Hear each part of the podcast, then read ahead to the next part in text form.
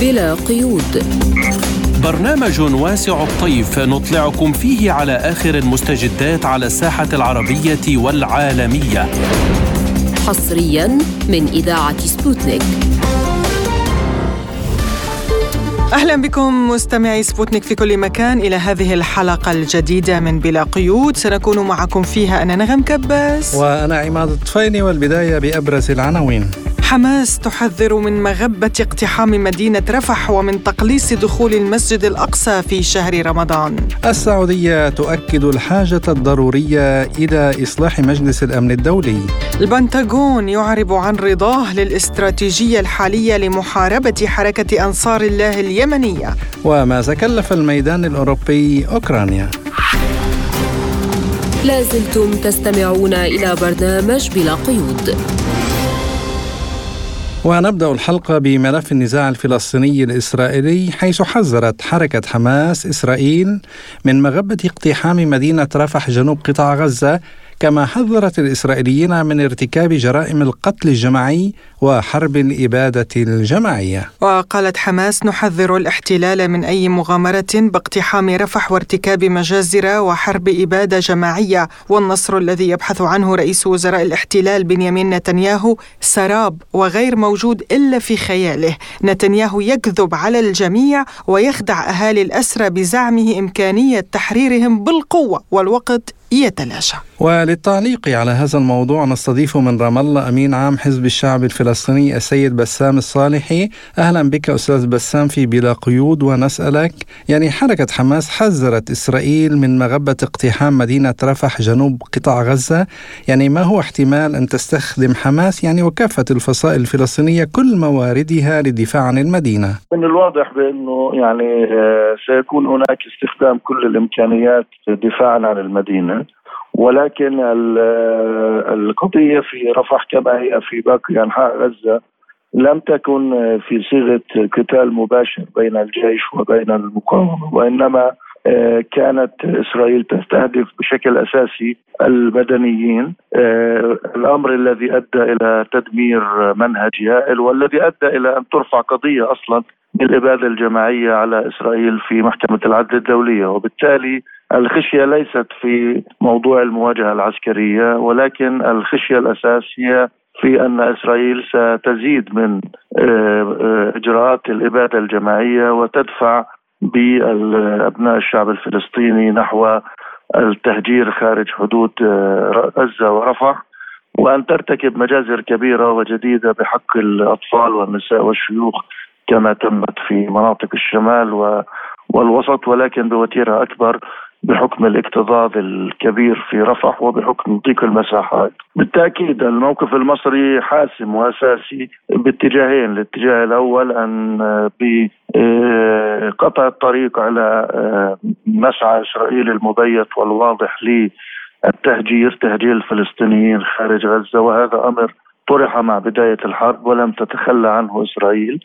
وبالعكس حتى كانت هناك الولايات المتحدة ودول أوروبية التي سعت لاقناع مصر في البداية بأن تستوعب مئات آلاف اللاجئين الفلسطينيين. هذا الموقف لم يتغير عند حكومة الاحتلال وهي ماضية به وبالتالي بإمكان مصر أن يعني تتحرك بكل الثقل الذي لديها من أجل منع هذا السيناريو. فضلا عن أن مصر يعني آه، آه، لديها كل المقومات والإمكانيات من كل النواحي. سياسيا وعسكريا وماديا وشعبيا ومكانة أن تأخذ دور أكبر بكثير. في مواجهة هذا المخطط الإسرائيلي. يعني رئيس كولومبيا أيد نظيره البرازيلي في انتقاده للأعمال الإسرائيلية وأيضا وصف نتنياهو بهتلر. يعني هل يمكن أن نتحدث اليوم عن بداية فعلية لعزلة دولية لإسرائيل مثلا؟ ولماذا لا يقوم القادة العرب بخطوات مماثلة تجاه الجرائم الإسرائيلية. هذا ما يجب أن يتم وأعتقد أن أولا أن جنوب أفريقيا بكل ما لها من مكانة وإرث في مجال مواجهة الأبرتايد والنضال ضده سواء من حيث الظاهرة ذاتها التي تم إفشالها في جنوب أفريقيا أو من حيث الأسلوب الذي استند بشكل كبير إلى مقاطعة وعزل حكومة جنوب أفريقيا في حينه.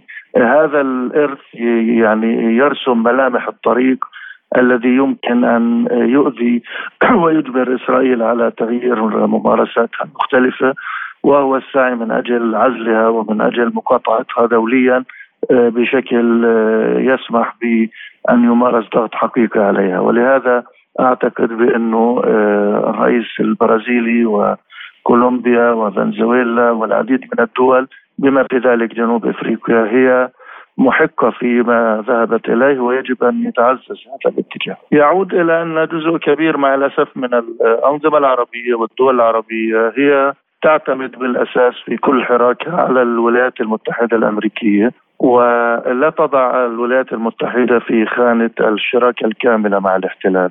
ولذلك يعني آه، هناك فرق كبير بين التوصل إلى حلول اعتمادا على الولايات المتحدة التي لم تؤدي كل لم يؤدي كل الاعتماد عليها إلى ما هو أكثر من تكريس الاحتلال وبين آه، مواجهة آه، إسرائيل والولايات المتحدة بسياسة مختلفة تستخدم فيها الدول العربية إمكانياتها وبالتالي تجبر إسرائيل والولايات المتحدة على تغيير موقفها.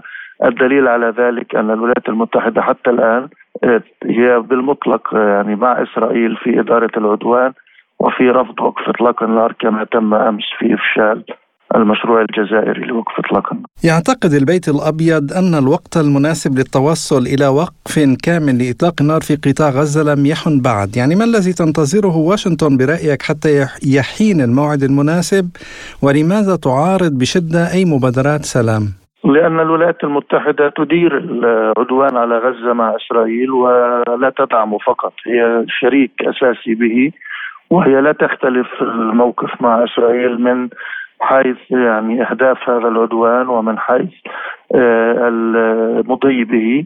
ربما هناك بعض التباينات الشكلية أو التكتيكية في إدارة التعامل مع موضوع المحتجزين ولكن الولايات المتحدة طرف شريك في العدوان على غزة ولذلك هي ترفض كل المحاولات التي تمت لوقف اطلاق النار سواء من روسيا أو من الجزائر أو من أي مشروع قدم في مجلس الأمن. يعني هل تتوقع آه، أن يتكرر سيناريو غزة في الضفة الغربية؟ هذه الدول بمعظمها كما قلت تعتمد في كل سياستها واستراتيجيتها على الولايات المتحدة ولذلك هي آه، يعني آه، دورها يظل محدودا ومرهونا مع الأسف بالدور الأمريكي آه، فقط عبر تغيير هذا الاعتماد على الولايات المتحدة يمكن أن يكون لها دور فاعل وأكبر في كل القضايا ليس فقط تجاه القضية الفلسطينية.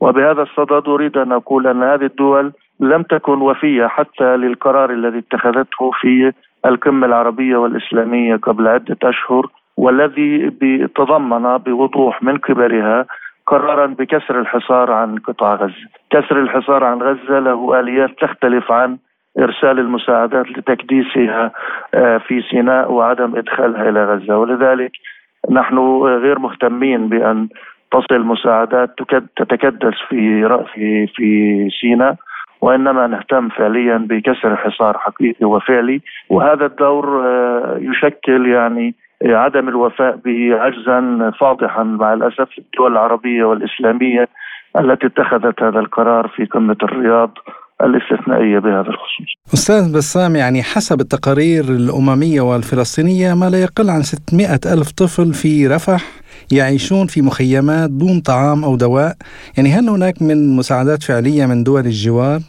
نعم هذا السيناريو الذي يجري في غزة هو مستمر آه، في الضفة الغربية بآليات آه، أخرى ولكن العدوان واحد في غزة والضفة وما يعلن ما تعلن إسرائيل وما تمارسه على الأرض هو تمهيد الأجواء لتوسيع هذا السيناريو في الضفة الغربية.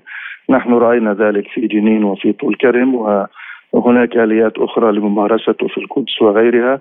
وبالتالي كل شيء وارد. يعني إسرائيل لديها مشروع أساسي لتصفية القضية الفلسطينية بالاباده في غزة وبالتهجير والتوطين وغير ذلك سواء في سيناء أو في الأردن وأيضا في محاولة إنهاء وتصفية قضية اللاجئين كما نرى في الأونروا وغيره. أمين عام حزب الشعب الفلسطيني السيد بسام الصالحي كنت معنا عبر الهاتف من رام الله. شكرا جزيلا لك. شكرا. أهلا وسهلا. ما زلتم تستمعون إلى برنامج بلا قيود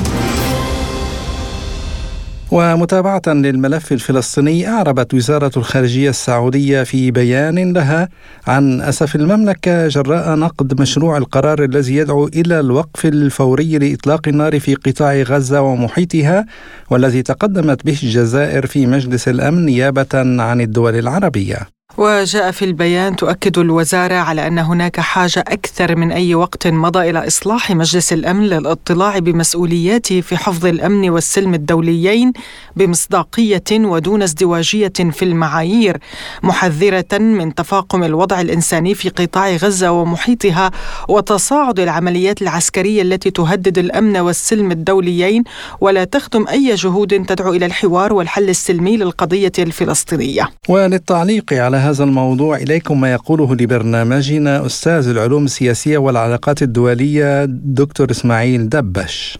الولايات المتحدة الأمريكية هي طرف أساسي في المشروع الصهيوني في المنطقة وترى أن أي هزيمة للكيان الإسرائيلي وإقامة للدولة الفلسطينية على حدود 67 هو وقف للمشروع الصهيوني في المنطقة. ولهذا ترى بأن حل بالنسبة لأمريكا هو إبعاد سكان فلسطين من غزة وفرض وفرض الواقع الأمر الواقع وإقامة وت وت وإقامتهم بسيناء وفرض إقامتهم بترحيلهم وإقامة بسيناء. ومن هذا المنطلق أن وقف الحرب بالنسبة لأمريكا هو وقف لهذا المشروع ولهذا صوتت أمريكا بحق الفيتو ورفضت أي حل غير هذا الولايات المتحدة. حتى اللحظة هي توزع في دور مع أدوار توزيع أدوار ما يسمى بانتقادات أمريكية نتنياهو هي عملية شكلية لكن الأساس أن الولايات المتحدة ما زالت اللحظة هذه تدعم عسكريا وبجيوشها وتعمل على أن بالترحيل القسري للفلسطينيين خارج خارج قطاع غزة. وحتى المساعدات الولايات المتحدة الأمريكية هي التي تعطي إشارة للكيان الصهيوني لتقييد دخول المساعدات إلى قطاع غزة. وفيما يخص دعوة السعودية إلى إصلاح المنظمة الدولية يقول الدكتور إسماعيل الولايات المتحدة تكون آخر دولة ولا يمكن وسوف ترفض أي إصلاح لأن الإصلاح يعني أنها تقييد دورها الأحادي في العلاقات الدولية وفي المنظومة الدولية وذهاب إلى توازن دولي وتعددية قطبية التي ترفضها الولايات المتحدة وما زالت تصر على أنها يجب أن تكون الأقوى في العالم. أنا اعتقادي البديل هو أن ما تقوم به دول العالم الجنوب بالتنسيق مع الصين وروسيا هو الحل الأمثل بمعنى أنهم يعملون على خلق مؤسسات التي مؤسسات موازية التي توظفها الولايات المتحدة الأمريكية لفرض أحاديتها من خلال خلق مؤسسات مالية مؤسسات اقتصادية وحتى مؤسسات أمنية مثل شنغهاي وهذه المؤسسات سوف تفرض التغيير في المنظومة الدولية وتذهب وتدفع لإصلاح المنظومة الدولية.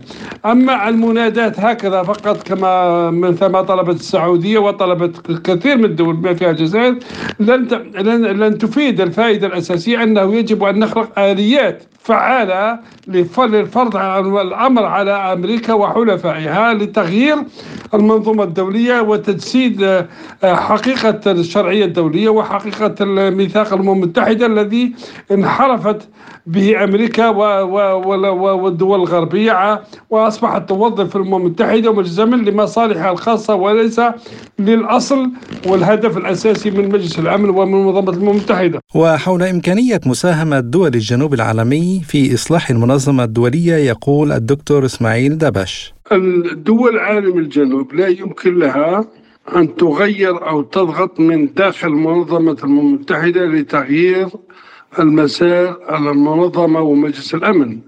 يمكن لدول العالم الجنوب أن تستعمل الإمكانيات التي لديها الوطنية والإقليمية.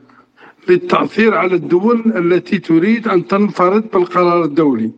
مثلا التعاون الاقتصادي مثلا الدول الغربية التي توظف آه، الأمم المتحدة لصالحها. يمكن للدول الأفريقية أو دول على الجنوب واسيويه وغيرها أن تضغط على هذه الدول بالمصالح الاقتصادية بمعنى اذا فيه توجهات تمس بمصالح دول العالم الجنوب. يمكن للدول في علاقاتهم الثنائية مع الدول الغربية أن تضغط من خلال المتغير الاقتصادي من خلال التعامل الاقتصادي. وخاصة أن الدول العالم الجنوب لهم بدائل لم يبقى العالم الجنوب سجين الغرب الآن. هناك دول مؤهلة لتكون بديل للغرب مثل الصين مثل روسيا كثير من دول العالم الجنوب دول البريكس وغيرها. النقطة الثانية كذلك أن على دول العالم الجنوب أن المنظمات الإقليمية الموجودة بها أن تفعلها أكثر ولا تبقى فقط عبارة عن قمم وتجمعات يجب أن تفعلها في الضغط على الدول إقليميا على الدول التي تتعامل آه، ضد مصالح دول العالم الجنوب. آه، ما ما قامت به روسيا والصين ودول أخرى بعالم الجنوب يدخل ضمنها في هذا الإطار. مثلا منظمة شنغهاي منظمة مجموعة البريكس آه، وغيرها من التنظيمات الجهوية والإقليمية في آسيا وإفريقيا. يمكن أن تلعب دور كذلك كلها وسائل ضغط لمحاولة فرض تغيير وإصلاح منظمة الأمم المتحدة ولا تبقى سجينة آه، مجموعة من الدول الغربية على حساب الأغلبية الساحقة للدول. أنا اعتقادي كذلك ما قامت به روسيا مؤخرا آه، منذ العملية العسكرية في في, في أوكرانيا والحصار الاقتصادي الذي مارسه الغرب على روسيا. آه، روسيا استطاعت أن أن تخرج بهذا الحصار بالانتصار لأنها كانت في مرتبة عاشرة أو ثامنة اقتصاديا الآن هي المرتبة الخامسة لأنها استطاعت أن تدير الحصار الاقتصادي لصالحها وليس كما أراده الغرب. آه، ولهذا على الدول أن أن تتعلم من هذه التجربة وتجعلها نموذج لها كذلك. لا تبقى مثلا الدول آه، الساحل الإفريقي التي هي الآن تدفع أكثر من 500 مليار دولار سنويا لفرنسا من أجل أن تدير اقتصادياتها وصادراتها. والانتهاء لما لا أن تتعامل بنفس بالطريقة التي تعاملت بها روسيا الآن من خلال عملاتها خلق عملات محلية ومحاولة توظيف هذه العملات في إطار مقايضة في إطار تعاون اقتصادي مع الدول التي لها استعداد التعامل بغض النظر عن الدولار أو الأورو أو الأورو. ويبدو لي أن الصين وروسيا لهم هذا الاستعداد.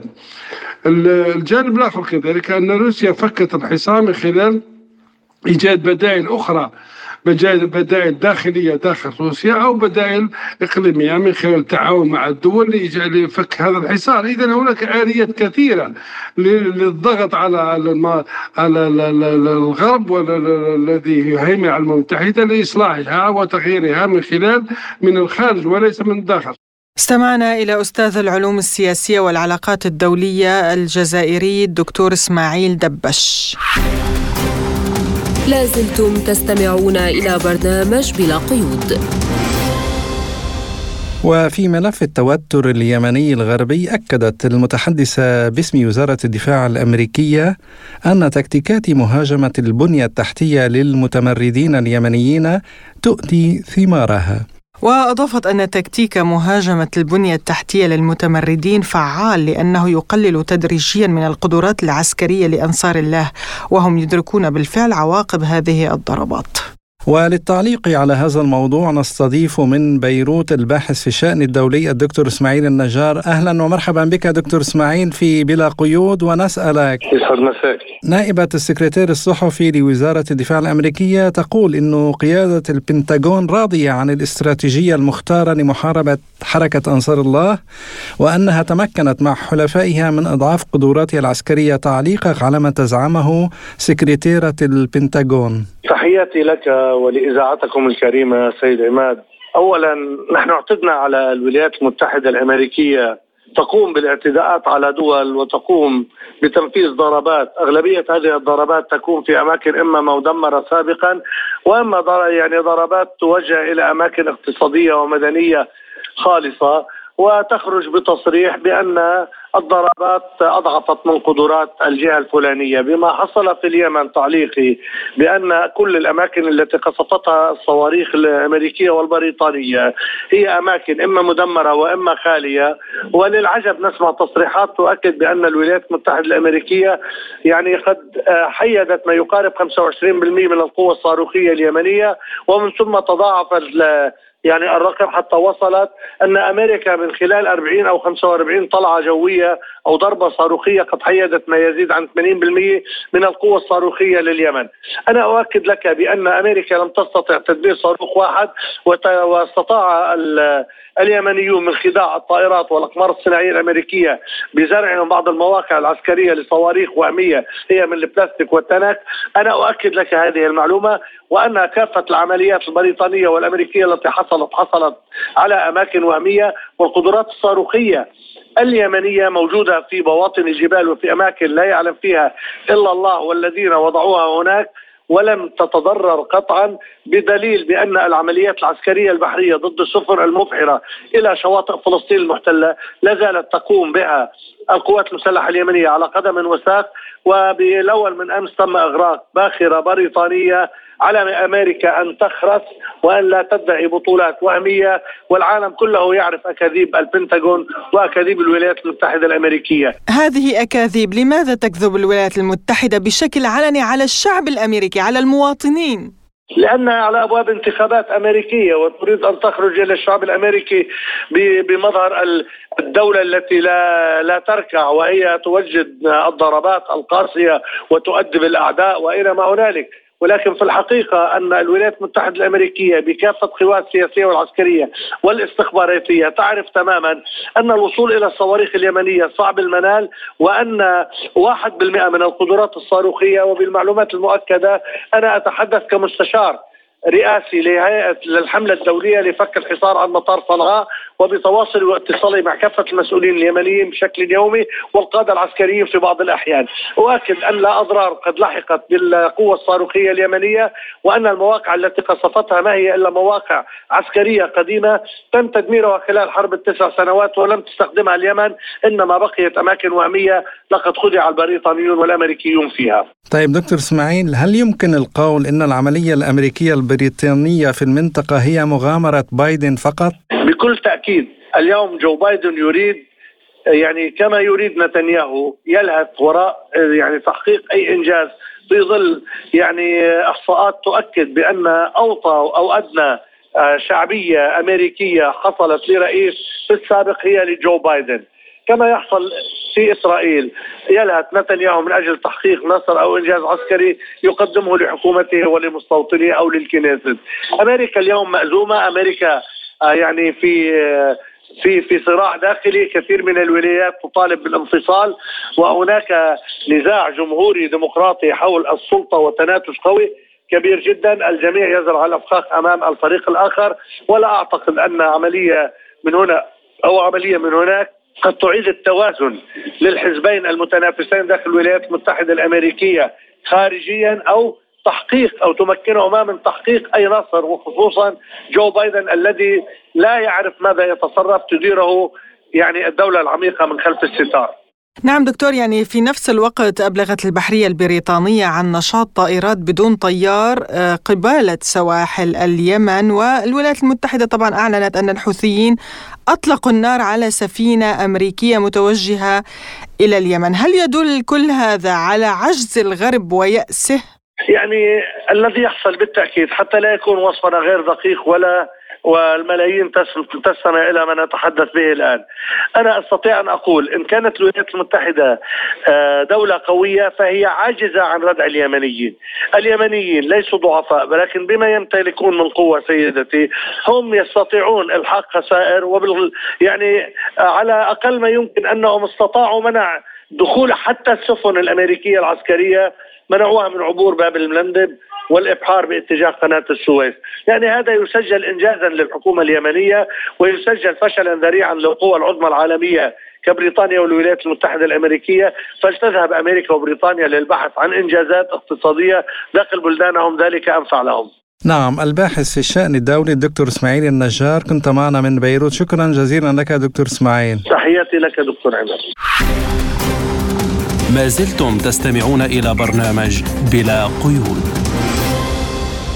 ومن اليمن إلى أوكرانيا واللقاء الخاص الذي أجرته سبوتنيك مع السياسي الأوكراني المعارض فيكتور ميدفيتشوك والذي قال إن أوكرانيا اليوم ليست ذات سيادة ولا مستقلة История Украины, независимой и суверенной, которой она была, أوكرانيا المستقلة ذات السيادة كما كانت. اليوم هي ليست ذات سيادة ولا مستقلة. عموما أنا أعتقد ولدي ما يكفي من الحجج لأقولها بأن أوكرانيا فقدت مكانتها كدولة لأنه لا يمكن الآن وصف ما كانت تسمى أوكرانيا سابقا بغير نظام زيلينسكي الإجرامي لأنه أيضا إذا تحدثنا عن الدستور وسأشير إليه دائما باعتباره القانون الأساسي للبلاد فإن أن أوكرانيا دولة ذات سيادة ومستقلة وديمقراطية وقانونية واجتماعية. انتهى الاستقلال والسيادة في عام 2014 نعم انتهت الديمقراطية وانتهى كل الوضع القانوني في البلاد عندما بدأ القمع. فقد تم رفع أكثر من 25 ألف قضية جنائية بسبب المعارضة وحدها وهذا فقط في ظل نظام زيلينسكي الإجرامي. لقد انتهت القضية الاجتماعية عندما انهار الاقتصاد وأضاف أن الغربيين هم وحدهم القادرون على تغيير موقف زيلينسكي Пошатнуть позиции Зеленского в этом плане, в вопросе движения к миру, могут только западные خزايوة الممولون الغربيون الذين يقودون زيلينسكي هم وحدهم القادرون على تقويض موقفه بشأن قضية التحرك نحو السلام لأن أي تصرفات أخرى أو أي نوع من الاستقلالية أو التراخي في تنفيذ بعض عناصر سياسة الدولة غير واقعية دون إذن الإدارة الخارجية. لذلك إذا وافق الغرب على ذلك فإن زيلينسكي سيوافق عليه أيضا. فهل سيوافق الغرب على ذلك؟ نحن لا نعلم. أي نوع من السلام يمكن أن نتحدث عنه في ظل إقالة زالوجني وتعيين سيرسكي قائدا أعلى للقوات المسلحة الأوكرانية. ولا سيما أن المهمة الأولى التي تم التعبير عنها علنا والتي حددها سيرسكي هي تعزيز وتكثيف العمليات العسكرية. كان هذا جزءا من اللقاء الخاص الذي اجرته سبوتنيك مع السياسي الأوكراني المعارض فيكتور ميدفيتشوك. وقالت سابرينا سينغ نائبة المتحدث باسم البنتاغون إن الجيش الأوكراني دون استئناف المساعدة الأمريكية سيتعين عليه تحديد المدن التي يمكنه الاحتفاظ بها داعية مجلس النواب بعد مجلس الشيوخ إلى الموافقة على طلب البيت الأبيض بمبلغ 60 مليار دولار والذي بدونه لا تستطيع الولايات المتحدة مواصلة الإمدادات العسكرية. وعلقت سينغ على استيلاء القوات الروسية على أفدييفكا قائلة للأسف كان هناك انسحاب استراتيجي للقوات من أجل الحفاظ على المدفعية والذخيرة. وحول تفاصيل تحرير أفدييفكا قال مراسل سبوتنيك هناك ألكسندر ناوموف Украинские войска при отходе из Авдеевки бросали тела погибших, раненых, вооружение и военную технику. عند انسحابها من أفديفكا تخلت القوات الأوكرانية عن جثث القتلى والجرحى والأسلحة والمعدات العسكرية يتحدث السكان المحليون عن جثث قوات الأمن الأوكرانية المقتولة والتي بدأت بالفعل تتعفن في المدينة وخارجها اللاجئون من أفديفكا غادروا المدينة تحت نيران القوات المسلحة الأوكرانية وخرجوا من المباني المحترقة بعد أن تمكنوا من أخذ الوثائق الهامة لهم وبعض الأشياء الثمينة على الرغم من تصريحات الجيش حول تطهير المدينة بالكامل من المسلحين إلا أنه لا يزال من المستحيل الشعور بالأمان في أفديفكا. أثناء تطهير المدينة اكتشفت القوات الخاصة الروسية ألغاما وقنابل يدوية أمريكية الصنع. تركتها القوات المسلحة الأوكرانية أثناء الانسحاب. يتم وضع الأشخاص الذين تم إجلاؤهم من أفديفكا والمدن المحررة الأخرى في جمهورية دانيسكا الشعبية في مراكز مؤقتة في جميع أنحاء الجمهورية. هكذا يعيش اليوم الناس الذين فقدوا ممتلكاتهم في الحرب. ويقولون إن الشيء الرئيسي هو أننا على قيد قيد الحياة والباقي كله يمكن تعويضه. شهد جميع الذين تم إجلاؤهم من أفديفكا ضغوطا كثيرة ويقدم لهم الأطباء مجموعة كاملة من الخدمات الطبية. أولئك الذين يحتاجون إلى دخول المستشفى يتم نقلهم إلى المستشفيات. كانت عواقب تحرير أفديفكا هي أن غورلوفكا ولأول مرة منذ عدة أشهر عاشت يوما بدون قصف ولكن لا يمكن قول الشيء نفسه عن دانيسك. وقد قتل وجرح مدنيون ودمرت المباني أمس جراء قصف القوات المسلحة الأوكرانية. تستمر العمليات الهجومية بعد تحرير أفديفكا غربا. في هذه الأثناء اقتحمت قوات مشاة البحرية التابعة لأسطول المحيط الهادئ نوفوميخايلوفكا. هذا في منطقة مارينكا. دخل الجيش الروسي بعض القرى القريبة من مارينكا. يقول الخبراء إنه نتيجة لذلك ستسقط جبهة جنوب دونباس بأكملها التابعة للقوات المسلحة الأوكرانية وفي الوقت نفسه يقول المراسلون العسكريون أنه بعد الاستيلاء على أفديفكا ستكون الخطوة التالية هي أوغليدار وكذلك ستأخذ القوات المحررة سلافيانسك كراماتورسك وريفها أظهرت معركة أفديفكا مشاكل الجيش الأوكراني بما في ذلك الفشل في تنفيذ الأوامر والعجز العاجز في مواجهة الهجمات واسعة النطاق التي يشنها الجيش الروسي بدعم من الطيران والمدفعية. حول هذا الموضوع تحدث فاليري وهو مواطن من أدفيفكا لسبوتنيك.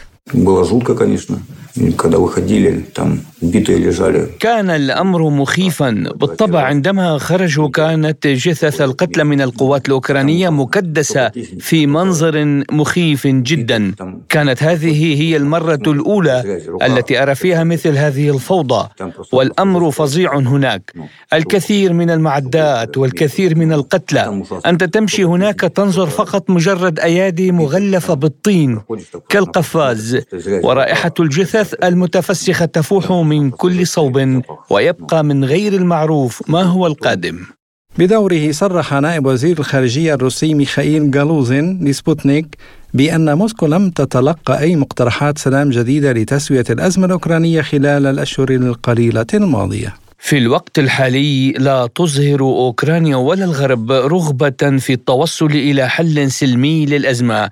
إنهم ينظرون إلى المخرج من الأزمة فقط من خلال منظور الحرب ويعتزمون القتال حتى النهاية المريرة.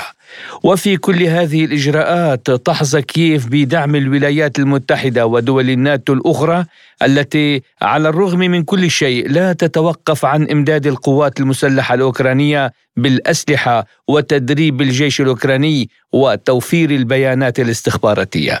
يغطي الغربيون وعملاؤهم في كييف خططهم العدوانية بصيغة زيلينسكي التي تشوبها عيوب بطبيعتها ولا علاقة لها بالسلام وهي عبارة عن مجموعة من الإنذارات غير الواقعية الموجهة ضد روسيا.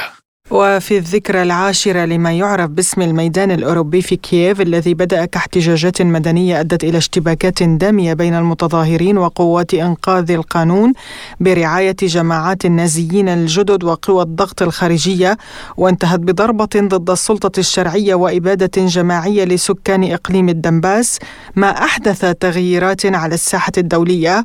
قال المقدم السابق في جهاز أمن الدولة فاسيلي بروزوروف لسبوتنيك. В документах СБУ за период январь-февраль 2014 года просто красной нитью проходит في وثائق جهاز الامن الاوكراني للفتره من يناير الى فبراير 2014 هناك خيط واضح يمر عبر كيفيه قيام الدبلوماسيين الغربيين وممثلي الدول الغربيه والمنظمات الحكوميه وغير الحكوميه بدعم الميدان وزعماء المعارضه وكيف شاركوا بشكل مباشر في تمويل الاحتجاجات والقيام بحملات إعلامية حادة. الآن بالطبع أصبح من الواضح أن أجهزة المخابرات الغربية بالإضافة إلى شخصيات حكومية وغير حكومية هم من كانوا وراء المعارضة وأفعالها ومهمتهم الرئيسية هي ببساطة انتزاع أوكرانيا من روسيا ولم تكن هناك مهام أخرى للمزيد حول هذا الموضوع ينضم إلينا عبر الهاتف رئيس مركز الدراسات والتنبؤ السياسي الدكتور عمار قناة أهلا بك دكتور عمار في برنامج بلا قيود ونتحدث اليوم عن الميدان الأوروبي ماذا قدم لأوكرانيا بعد مرور عشر سنوات؟ فيما يتعلق في الأحداث التي شاهدناها يعني في عام 2013 لابد يعني من ذكر الحالة يعني التتابعية التي مرت بها أوكرانيا وهي منذ عام 2004 استمرارا لعام 2005 أثناء ثورة الثورة البرتقالية آه، بقيادة يعني القوة الليبرالية بين قوسين التابعة للولايات المتحدة والاتحاد الأوروبي. وعلى أثرها يعني بدأت في أوكرانيا آه، عمليات مجتمعية وممكن القول يعني كمصطلح ممكن أن يكون غير يعني واقعيا لكنها مفهوم يعني آه، أكرنت أوكرانيا. من خلالها بدأت يعني الحس القومي الأوكراني يتعزز. من خلال برامج كانت مدعمة من الاتحاد الأوروبي وصولا إلى عام يعني 2012 عندما دخل حتى البرلمان يعني الأحزاب الأحزاب القومية والمتطرفة. وكانت يعني على سبيل المثال حزب الحرية الأوكراني وكان مصنفا يعني كحزب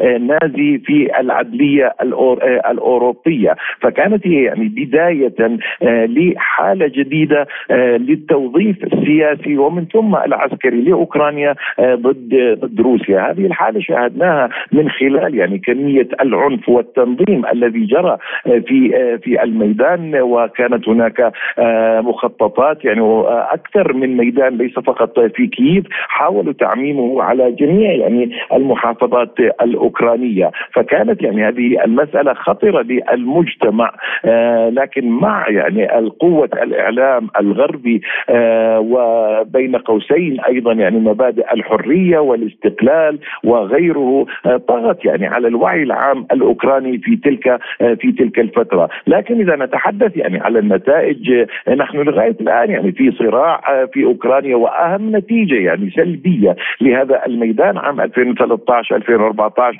وهو يعني وهي الحرب الأهلية والتي بدأت يعني ما بين قوات كييف أو النخبة السياسية المتطرفة مع منطقة الدنباس وهذا كله أتى بعد يعني الانقلاب على الرئيس آه، يانوكوفيتش. آه، ولا زالت يعني لغاية الآن المنظومة الأوكرانية في حالة يعني آه، تخبط وعدم استقرار والقرار يعني السياسي منذ عام يعني منذ عام 2013 هو مناط بواشنطن. وهنا يمكن يعني التذكير بأن مهندس يعني هذا الميدان وما قبله هو نفسه يعني الرئيس بايدن والذي كان انذاك نائبا للرئيس أوباما فلذلك يعني المسألة هي مستمرة والتخبط يعني في هذه المنظومة آه، التي أدت يعني إلى الصراع العسكري الذي نراه اليوم في آه، في الدنباس ما بين أوكرانيا وروسيا دكتور عمار يعني هل تعتقد أن الغرب نجح بإحداث شرخ بين الشعبين الروسي والأوكراني؟ آه، أعتقد إنه يعني نوعا ما نجحوا نعم في خلق هذا الصراع يعني الصراع ما بين آه، الأوكران والروس. وهنا يعني هذه المسألة أيضا هي مرتبطة بالمسار آه، التاريخي وهو مرتبط جغرافيا أيضا في منطقة غرب غرب أوكرانيا جاليسيا والتي كانت يعني لطالما كانت انتماءاتها يعني أقرب إلى المنظومة الغربية من جهة وكانت توظف سياسيا حتى يبان يعني الاتحاد الاتحاد السوفيتي والقوة يعني النازية والتي تحالفت يعني مع قوات هتلر. أثارها هي باقية وهم من عززوا يعني هذه الحالة في في أوكرانيا. وهناك لا ننسى يعني من النتائج أيضا يعني لهذا الميدان يعني الشق في في الحالة الدينية يعني في داخل الكنيسة الأرثوذكسية والتي بدأت يعني أيضا مؤشراتها منذ عام 1991 1990 بعد انهيار الاتحاد السوفيتي وصولا إلى الفصل التام يعني ما بين الكنيستين يعني الأوكرانية والروسية. فلذلك يعني العملية اليوم هي ممكن القول أصعب يعني عما كانت عليه في السابق وذلك لدخول يعني عامل آخر وهو الدماء. يعني اليوم نحن أمام حالة جديدة. ممكن يعني خلال العقود القادمة أعتقد يمكن أن يعني أن نرى هذا الصدع لكنه اليوم متجذر مصر وهناك يعني من القوى الغربية التي لا زالت لغاية اليوم يعني تؤجج وتغذي يعني هذا هذا الصراع. فالأفق يعني الاستراتيجي للمنظومة الأوكرانية يعني أراه يتقلص يعني شيئا بشيء وهذا كان أيضا يعني من إحدى النتائج رفض يعني جزء كبير من المجتمع الأوكراني لهذه الحالة بداية انفصال آه انفصال شبه جزيرة القرم ومن ثم يعني منطقة الدنباس وذلك للحفاظ على آه مفهوم يعني القيم القيم آه ممكن الثقافية آه والدينية المرتبطة بروسيا وتاريخها في المنطقة. رئيس مركز الدراسات والتنبؤ السياسي الدكتور عمار قنا شكرا لك على هذه المداخلة. ما زلتم تستمعون إلى برنامج بلا قيود. وننتقل إلى العراق ودعوات بإنشاء إقليم منفصل في محافظة الأنبار وهو ما قال عنه القيادي في تحالف الحسم الوطني في العراق طه عبد الغني إن هذا الموضوع غير مقبول سياسيا ولا شعبيا باستثناء مجموعة قليلة تريد الاستئثار بمقدرات المحافظة. نرفض أي دعوات من هذا القبيل لأنها ستكون بمثابة خطوة على طريق تقسيم العراق. وبحسب وسائل الإعلام فإن تلك الدعوات تم طرحها خلال اجتماع عشائري في مدينة الرمادي مركز محافظة الأنبار غربي البلاد لكن رئيس مجلس القضاء الأعلى القاضي فائق زيدان رفض هذا الأمر معتبرا أنه تهديد لأمن العراق ووحدته. وللوقوف على خلفيات هذا الموضوع ينضم إلينا عبر الهاتف الأمين العام لحزب قادمون السيد حسين الرماحي. أهلا بك سيدي الكريم عبر إذاعة سبوتنيك. ونبدأ من هذه الدعوات بإنشاء إقليم منفصل في محافظة الأنبار. ما الهدف من هكذا الدعوات؟ ومن يدعمها برأيك؟ شكرا جزيلا على إتاحة هذه الفرصة أولا وحقيقة هذه الدعوات ليست بجديدة على الوضع السياسي والوضع الاجتماعي بشكل عام في العراق وأنا أعتقد هي دعوات أولا على الصعيد السياسي هي دعوات مرفوضة وعلى الصعيد الاجتماعي أيضا دعوات مرفوضة لأن مثل هكذا دعوات تهدد وحدة العراق وتهدد أيضا النسيج الاجتماعي الموجود في العراق وأعتقد إن العراق بشيوخه وبعوائله الكريمة وبكل أطيافه وصنوفه ترفض هكذا دعوات. يعني هل يمكن اعتبار ذلك بخطوة على طريق تقسيم العراق؟ أنا أعتقد مهما كانت الأجندات خلف هكذا دعوات سواء كانت خارجية أو سواء كانت اختلاف أو تقاطع سياسي مع بعض الجهات السياسية لكن أنا يعني متيقن أنه هكذا دعوات لا تلبي طموح أي مكون من المكونات الشعب العراقي أولا. وثانيا إرادة الشعب هي تكون الأولى مهما كانت الأجندات والإرادات الخارجية أو التقاطع السياسي اللي موجود لدى بعض الأحزاب أو بعض الجهات السياسية التي التي تطلب هكذا والتي تدفع بهكذا دعوات.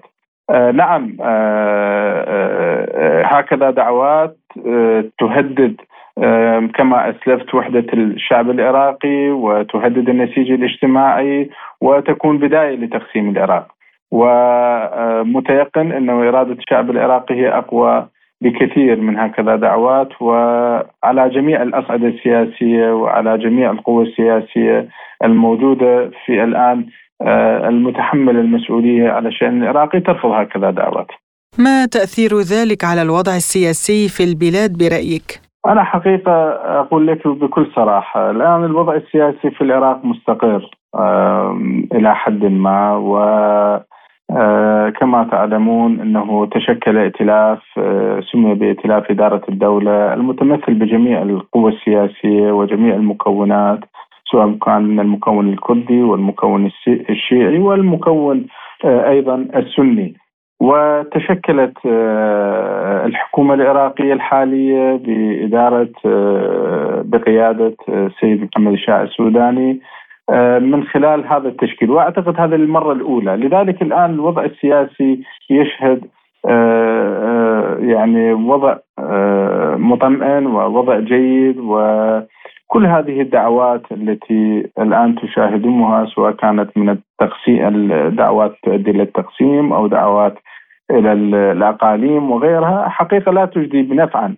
أما موضوع القوات الأمريكية وموضوع القوات التحالف آه، في العراق فهذا أصبح عليه آه، جمع من القوى السياسية بالاتفاق على أنه الآن في الوقت الحالي آه، أنه القوات الأمريكية الموجودة في العراق الحكومة العراقية والقوى الأمن العراقي بمختلف صنوفه من الجيش والشرطة والاتحادية وأيضا هيئة الحشد الشعبي. الآن ترى أنه ليس بحاجة العراق إلى قوات إضافية ممكن أن تحمي أراضيه. فضلا على أنه الآن شاهدنا أن وجود قوات التحالف في العراق من القوات الموجودة في القواعد العسكرية يعرض أمن العراق إلى الخطر.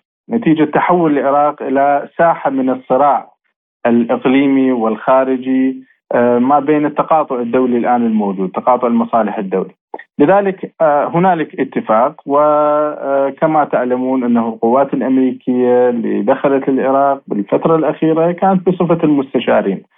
لكن تهديد الأمن القومي العراقي لوجودها الآن أصبح يهدد الأمن القومي العراقي على اعتبار أنه أصبح العراق هو ساحه صراع اقليمي ودولي. الأمين العام لحزب قادمون السيد حسين الرماحي كنت معنا عبر الهاتف من بغداد شكرا لك على هذه المداخلة.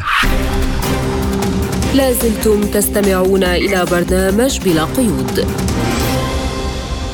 ملف الحلقة الأخير من ليبيا والحكم الذي أصدرته محكمة استئناف العاصمة الليبية طرابلس بإلغاء مذكرة التفاهم الموقعة نهاية عام 2022 بين حكومة الوحدة الوطنية برئاسة عبد الحميد دبيبة وتركيا في مجال الطاقة الهيدروكربونية وذلك بعد انتقادات وشكاو وقالت المحامية ثريا الطويبي إن المحكمة حكمت لصالحها وزملائها الذين طعنوا في المذكرة. وأثار توقيع الحكومة على مذكرة التفاهم بشأن التعاون في مجال الهيدروكربونات ردود فعل معارضة لهذه الخطوة من جانب رئيس مجلس النواب عقيلة صالح والحكومة المكلفة من قبل المجلس ورئيس الحزب الديمقراطي محمد صوان وعدد من أعضاء مجلسي النواب والدولة وملتقى الحوار السياسي.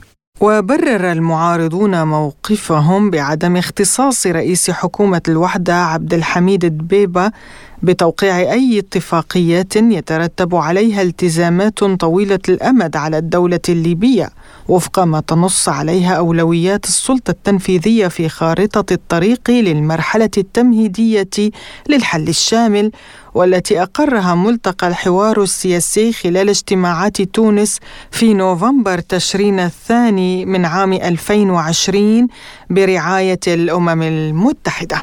وللحديث عن هذا الموضوع تنضم إلينا عبر الهاتف المحامية الأستاذة ثريا الطويبي أهلا بك أستاذة في برنامج بلا قيود. يعني نجحتم بهذه الدعوة التي قدمتموها للمحكمة. ما أسباب معارضتكم لهذه الاتفاقية واللجوء للمحكمة؟ الحقيقة أن هذا الحكم بالنسبة لنا مهم جدا باعتبار أنه هو أوقف قرار آه، توقيع اتفاقية ما بين ليبيا وما بين تركيا. الاتفاقية هذه يعني منحت آه، امتياز لا محدود للحكومة التركية أو لشركتين تركيتين آه، بأنهم هم يشتغلوا في التنقيب في أعمال الحفر في في آه، آه، توصيل الأنابيب في آه، وصلت حتى إلى تجارة المنتجات النفطية وهذه طبعا مقتصرة مفروض على المؤسسة الوطنية للنفط في ليبيا فقط حسب القانون الليبي. وبالتالي يعني منحت لشركتين احتكار كامل لكل الأعمال النفطية مستقبلا يعني هي هي تنص إن هذا في المستقبل وما هو موجود حاليا حالي ومستقبلي. يعني حالي إن في بعض الأعمال ممكن تم اكتشافها مثلا حقول نفطية تم اكتشاف آه، نفط فيها أو غاز آه، تقوم الشركات هذه التركية تأخذ عمليه التطوير لها مثلا. وما المستقبلي يعني ما يتم استكشافه في في المستقبل. وبالتالي إن إحنا يعني أوقفنا العملية هذه فيها كل في العادة في في العقود اللي اللي هي تمس الموارد الاستراتيجية فيها آه، فيه تبدأ لوائح العقود الإدارية اللي هي طبعا حتى الشركات العادية آه، لما تبي تطرح مشروع معين تطرح مناقصة فيه أو تطرح عطاء عام يشتركوا فيه جميع الشركات بحيث اولا في منافسة فيه من ناحية الأسعار اللي هي حتقدم في العروض بتاعهم ونفس الشيء يحاولوا إنهم هم يأخذوا أفضل الخدمات. لما ان آه، الحكومة الليبية قامت بمنح هذه الشركتين التركيتين يعني أعمال لا محدودة آه، برا وبحرا. آه، بالتالي هنا قفلت مبدأ المنافسة هذا وأصبح هو تعاقد مباشر. وهذا طبعا حتى هو يمنع القانون الليبي لأن هذا أول شيء يخلق الفساد. ليش يصير التعاقد المباشر في العادة؟ يصير التعاقد المباشر في حالة أن مشروع ما يطرح من قبل الحكومة أو من قبل أي جهة ولا توجد إلا شركة واحدة أو اثنين مثلا متخصصين في الموضوع هذا. بالتالي ما عندهمش أمامهم إلا أنهم هم يعملوا تعاقد مباشر مع هذه الجهة.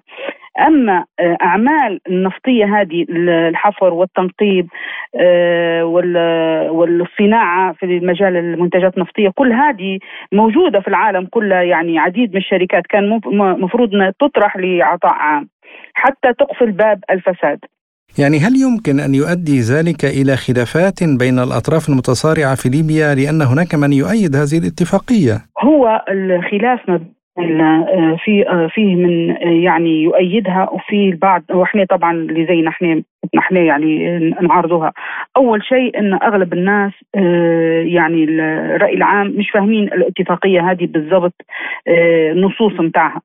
إحنا طبعا درسنا الاتفاقية هذه وجدنا فيها عدة نقاط ما هيش في صالح الطرف الليبي من ناحية التعاقد. آه، أكثر الرأي العام أو الجماعة اللي هم موافقين على الاتفاقية هذه ينظروا لها من ناحية أخرى. ينظروا أن ظروف الدولة الليبية آه، يعني بحاجة إحنا ليبيا طبعا آه، معتمدة على النفط فقط.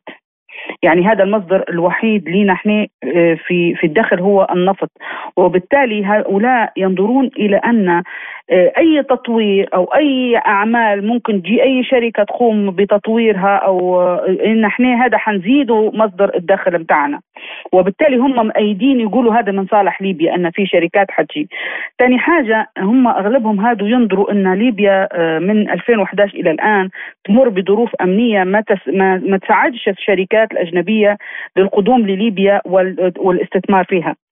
هم يعني هذه النظرة بتاعتهم وبالتالي أي شركة تجي مستعدين مرحبين بها ممكن يمنحوها كل شيء. المهم انها هي تشتغل وتستثمر في ليبيا. هذه هي الفكرة بتاعهم أما إحنا ننظروا للموضوع من ناحية أخرى. ننظروا إن آه، بالعكس يعني في أعمال في ليبيا الآن يعني مضمونة 100% إن أي حد ممكن يجي يستثمر آه، يعني حيكون عنده مكسب فيها هذه رقم واحد. رقم اثنين إن الوضع الأمني في ليبيا يعتبر آه، مستقر حاليا.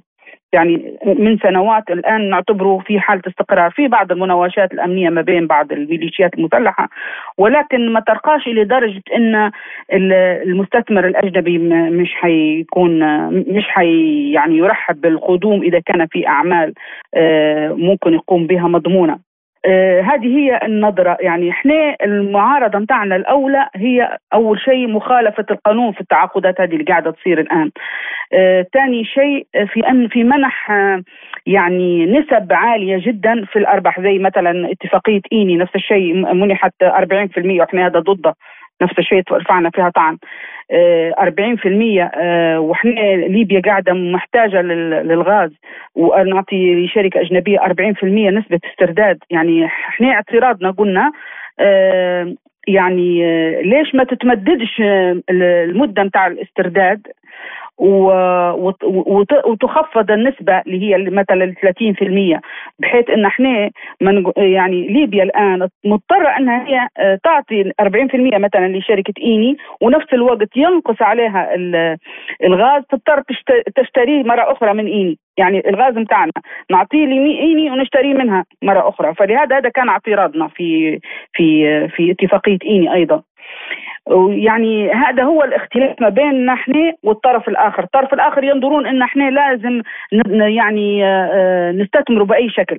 وما فيش إلا هذه الشركة إيني والشركات التركية اللي هم ممكن يخاطروا ويجوا ليبيا. في الوقت اللي بالعكس في الآن المشروع نتاع الان سي 7 الآن فيه حتى شركة آه، إماراتية مشتركة. آه، اذا الشركات عندهم رغبة يجوا لليبيا لكن لم يتم طرح هذا الموضوع من قبل الحكومة بشكل رسمي. ما تأثير هذا القرار على العلاقة بين تركيا وليبيا برأيك؟ لا أعتقد أنه هو حيؤثر لأن هذا حكم قضائي. يعني العلاقة اللي ما بين تركيا وليبيا هذه علاقة قديمة يعني مش أمس ولا اليوم. وأنا نشوف فيها إن أكيد في الأخير الحكومة التركية هي نفسها يعني ألزمت نفسها بالقانون حسب الدستور متاعهم ولما تم توقيع الاتفاقية عرضتها على البرلمان التركي. إلا أن الحكومة الليبية لم تعرضها على البرلمان الليبي أصلا والبرلمان الليبي أصلا من البداية صرح عبر القنوات كلها أنه هو آه، رافض لهذه الاتفاقية. آه، بالتالي أعتقد أن الحكومة التركية آه، يعني علاقتها مش حتتوتر لأن هذا حكم قضائي مش الحكومة آه، لم تقوم الحكومة نفسها بإلغاء أي اتفاق ما بينهم. إنما هذا حكم قضائي ملزم للحكومة الليبيه وملزم الحكومة التركية. أنا لا أرى أن ممكن تتوتر أي علاقات ما بيننا. هل سيتأثر قطاع النفط والغاز برأيك؟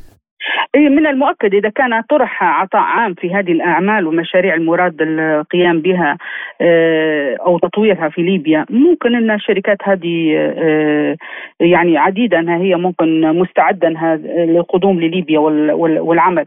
إيه، إحنا لماذا نخمن بالسيء قبل أن نطرح الموضوع للعام؟ هذه هي النقطة المهمة. لماذا إحنا من الأول نقولوا لا الشركات كلها لن ما فيش شركات لا يمكن شركات آه، آه، تخاطر وتجي ليبيا وتشتغل. لا. ليش إحنا نخمنوا نخمنوا في في السيء؟ ليش ما نطرحوا العطاء عام ونشوفوا الشركات اللي تيجي؟ هذه رقم واحد. رقم اثنين أعمال التطوير أغلبها آه، في ليبيا ممكن يقوم بها العناصر المحلية في ليبيا عندنا شركات ليبية ممكن تقوم بهذه الأعمال. بعض منها مستكشفة يعني قائمة حتى بأعمال استكشاف. وبعد ما يتم الاستكشاف من قبل الشركات الليبية يقوموا بإسنادها لشركات أجنبية. بينما الشركة الليبية يمكنها أنها تقوم بها. يعني هي الشركة الليبية تحتاج فقط تمويل مالي. من دولة فقط. المحامية الأستاذة ثريا الطويبي كنت معنا عبر الهاتف من ليبيا. شكرا لك على هذه المداخلة. وبدوره قال الباحث بالشأن التركي الأستاذ طه عودة أوغلو. آه، نعم يعني أنا أتصور أعتقد أن هذه ال يعني ال الاتفاقية كما تعلمين تم توقيعها آه، في عام 2022 وقد كانت هناك خلافات واسعة ما بين الأطياف آه، الليبية وخاصة حكومة بيبا المقربة آه، من الحكومة آه، التركية. آه، أعتقد إن هي جاءت نتيجة خلافات انقسامات ليبية داخلية بالدرجة الأولى. هناك محاولات من قبل أنقرة لإعادة تفعيل اتفاق من جديد. ولكن يعني في المقابل يعني هذه التطورات كما تعلمين هي تأتي في وسط هناك هناك مرحلة جديدة تمر بها العلاقات التركية المصرية وخاصة قبل اعوام كانت هناك توترات في العلاقات التركية المصرية وخاصة على آه، الساحة آه، آه، الليبية، لذا أنا أتصور أعتقد يعني الأمر هو داخلي بالدرجه الأولى أكثر من أن يكون هو على الصعيد الخارج، هذه النقطة الأولى، النقطة الأخرى هناك تحولات تركية داخل المشهد الليبي وخاصة فيما يتعلق بالعلاقه التركية ليس فقط مع دبيبه كانت هناك علاقات مع شرق ليبيا وكان لقاءات مع قيل صالح هنا في آه، آه، آه، لذا أنا أتصور أعتقد يعني هذه لن يكون لها التأثير بشكل كبير خاصة تحدثنا عن أن هناك اتفاقيات عديدة أبرمت ما بين الطرفين خلال الفترة الأخيرة الماضية. وأكد أوغلو أن تركيا تسعى لإعادة الاتفاقية بصيغة جديدة. صحيح صحيح. هذا ما أشرت لك قبل قليل ان تركيا تسعى لإعادة تفعيل الاتفاقية ولكن بطريقة آه، أخرى. حاليا في الوقت الراهن كما أشرت لك آه، هي رتبت علاقاتها بشكل جيد مع القيادة آه، المصرية وأن هناك تطورات بشكل كبير خلال المرحلة المقبلة. هي حاليا تفاعلت وتعاملت مع الملف الليبي بشكل أوضح هذه المرة من خلال اللقاءات التي يعني جمعتهم إن كانت في ليبيا أو حتى في تركيا هنا مع كافة الأطياف الليبية. لذا أنا أعتقد أنقرة حاليا تسعى لتهدئة أو لتبريد هذا الملف أقصد الملف الليبي وعدم إحداث أي هناك ضجة أو آه، مشكلة آه، خاصة بأن الجميع يعني حاليا يعني يتطلع لإجراء آه، الانتخابات في ليبيا مع نهاية هذا العام وعودة الهدوء إلى هذه المنطقة. استمعنا إلى تعليق الباحث بشأن التركي الأستاذ طه عودة أوغلو. إلى هنا مستمعينا الكرام تنتهي حلقة اليوم من برنامج بلا قيود. شكرا لإصغائكم وإلى اللقاء. بأمان الله.